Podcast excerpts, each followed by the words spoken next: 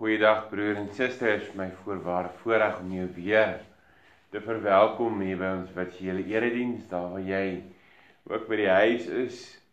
Mag jy ook in hierdie oggend die teenwoordigheid van die Here beleef op 'n baie besondere manier. Ons gaan saam lees vanmôre uit Romeine hoofstuk 8 vanaf vers 12. Voordat ons daaruit lees, kom ons bid saam. Here saam met die psalmdigter, Here wil ons kom sing prys die Here. Julle hemelinge, prys die Here om sy eer en mag. Prys die Here om die eer van sy naam. Buig voor die Here by sy heilige verskyning. Here, dankie Here dat ons in hierdie oggend kan begin met die wete dat U heilig is, met die wete dat U groot is, dat U almagtig is dat u Here ook na ons as mens toe draai dat u ook vir ons u teenwoordigheid kom gee u barmhartigheid u vrede en u genade. Here ons kom vra Here dat u ook waar ons saam gaan lees u woord sal breek. Ons vra u daarvoor Here in u naam. Amen Soos ek gesê het, ons lees uit Romeine hoofstuk 8. Ons gaan daarvan af lees vanaf vers 12. En die gedeelte lees so. Romeine 8 vanaf vers 12. Daarom dan broers, staan ons onder 'n verpligting, maar nie net oor ons sondige natuur om daarvolgens te lewe nie. As julle julle lewe deur die sondige natuur laat beheers, gaan julle die dood tegemoet. Maar as julle deur die Gees 'n einde maak aan julle sondige praktyke, sal julle lewe. Almal wat hulle deur die Gees van God laat lei, is kinders van God. Die Gees wat in julle gegee is, maak julle nie tot slawe nie en laat julle nie weer in vrees lewe nie. Nee, julle het die Gees ontvang wat julle tot kinders van God maak en wat ons tot God laat roep Abba. Dit beteken Vader. Hierdie Gees getuig saam met ons Gees dat ons kinders van God is en omdat ons kinders is, is ons ook erfgename. Ons is erfgename van God, erfgename saam met Christus. Aangesien ons deel het aan sy lyding, sal ons ook deel hê aan sy heerlikheid. Tot sover ons skriflesing dan van môre. As ons vandag begin dan moet ons mekaar sê dit is vandag die die die die begin van koninkrykstyd en daarom ook die waar ons kom stil staan by die uh, by die drie eenheid en waar ons kom sê vandag is die Sondag dan van drie drie eenheid en waar ons as ons met dit begin dan moet ons mekaar sê maar hierdie drie eenheid of die die gesprek rondom die drie eenheid is al baie lank aan die gang. As ons begin praat oor hoe verstaan ons die drie eenheid, kan ons 'n klomp teorieë op die tafel sit. Maar ek dink as ons begin kyk na wat die Bybel sê, kom sê die Bybel vir ons en as ons getrou wil bly in die Bybel, praat die Bybel nie oor God in abstrakte taal nie, maar oor God in verhouding tot tot die mens, tot ons as mens en daarom fokus is ons fokus as ons begin praat oor die drie eenheid is oor hoe God as die drie enige God ook tot stand kom ook in ons Christelike lewe. Die leer oor die drie eenheid is daarom nie 'n leer oor God alleen nie, maar oor God met ons en hoe hierdie God met ons en in ons lewe tot ons in hierdie verhouding kom staan. Dis die verhouding binne God as Vader, Seun en Gees wat ons as as as mens kom insluit. En wanneer dit gebeur, moet ek en jy besef, wanneer ons dit begin verstaan, dan begin ons ook verstaan hoe ons as mens hierdie werklikheid van God wat die drie-enige God in hierdie wêreld begin weerspieël. Ons skrifgedeelte toon ook nie 'n geïsoleerde belangstelling in die innerlike lewe van die drie-enige God nie. Die verhouding binne die drie-eenheid as ons dit so kan vergelyk, kom kom tot stand as mense dit so kan sê in 'n in die verstaan van 'n huishouding. Dis die Vader, Christus, die Seun wat die erfgenaam is en die Gees wat die getuie is van die huishouding. En hierdie huishouding is nie geslote nie, maar so wat ek en jy weet is ek en jy erfgenaam is. Ek en jy word ek en jy deel van hierdie huishouding van God word ons um God se kinders. En tydens hierdie aanneming tree die Gees as getuie daarvan op dat ek en jy kinders van God is. Wettige kom ons sê dit dan so in menslike terme wettige erfgename van God. En om 'n erfgenaam van 'n groot boedel te wees soos wat jy ook sal weet is en moet 'n wonderlike ervaring wees. So erfenis gee aan die ontvanger in in menslike terme en as ons nou dink aan normale omstandighede 'n mate van sekuriteit. Vryheid, maar ook 'n stuk hoop vir dit wat voor lê. Daar is daar ek ou kan darm so 'n bietjie asemhaal as ons dink oor die situasie wat voor lê, oor die toekoms wat voor lê. En sou ons dit begin van toepassing maak op ons erfenis wat die Here vir my en vir jou gee, En dan moet ons vir mekaar sê maar hierdie erfenis bring natuurlik vir my en vir jou ook 'n stuk hoop. Dit bring vir ons 'n nuwe oomblik, 'n nuwe uitkyk op die nou, maar ook op die toekoms, 'n nuwe verwagting. Maar saam met dit kom skep dit vir ons 'n ongelooflike verantwoordelikheid oor hoe ons as erfgename in hierdie wêreld gaan optree.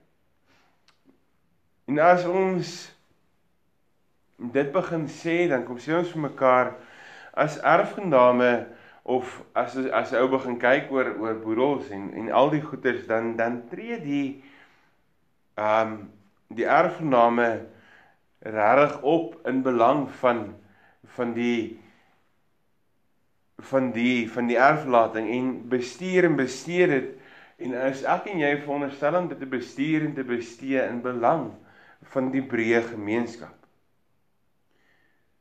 In belang van ons eie menswees, in belang van die mense buite, in belang van ons kinders. En dit geld ook van die mooi dinge in hierdie wêreld dat ek en jy as getuies van hierdie erflating van dat ek en jy deel is van God se huishouding dat ek en jy deel is van God se kinders die verskil begin maak in hierdie wêreld. Paulus skryf ons is erfgename van God.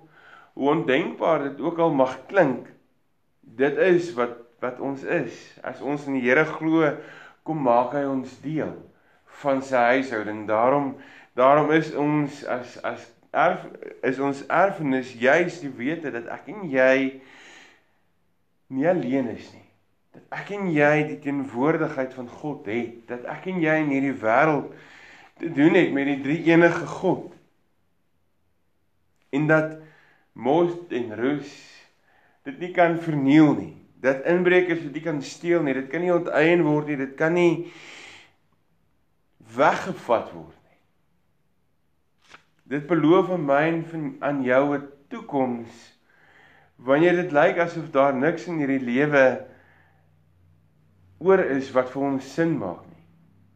Die Gees van God is selfs wat ons mekaar sê en wat ons gehoor het, die waarborg, die getuie hiervan dat ek en jy daarin deel het. En daar moet egter meer oor hierdie erfenis gesê word.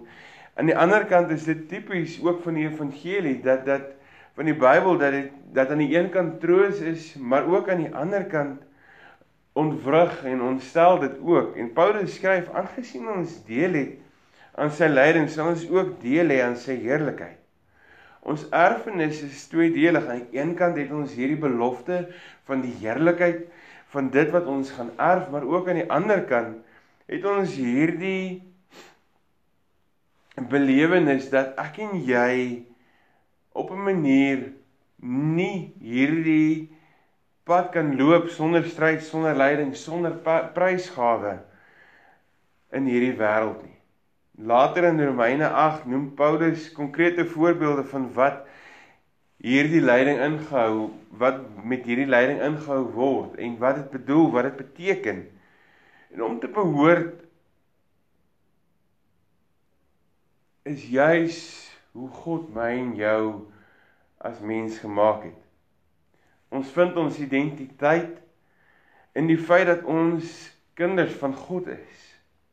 Dit gee vir my en vir jou 'n onskatbare waarde. Die feit dat ons sy beelddraers is. Dat ons as as kinders, as as mense na sy beeld geskape is. Gee vir my en vir jou die vrymoedigheid om in hierdie wêreld as beelddraers te kan en ook te moet optree.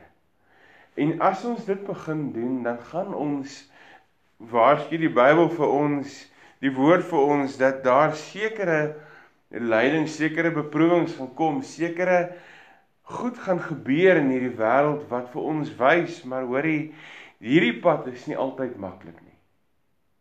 Maar ons hou in gedagte die heerlikheid wat daaruit voorstreef, wat daaruit voortkom. En die Gees wat vir my en vir jou elke keer kom bevestig, maar ons is kinders van God. Daarom sal ons sal ons so optree. Daarom sal ons as erfgename leef.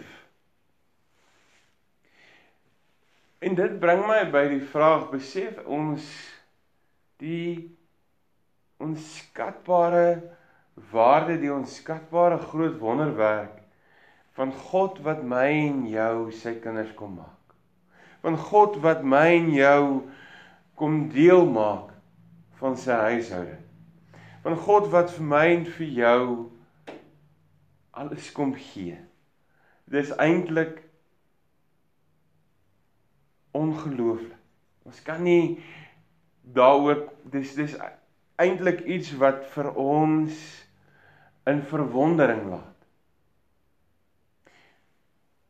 En as ons in hierdie wêreld gekonfronteer word met ons eie twyfel, met ons eie vrae, kom getuig die Gees juis in ons, so wat ons lees in vers 16, dat ons God se kinders is.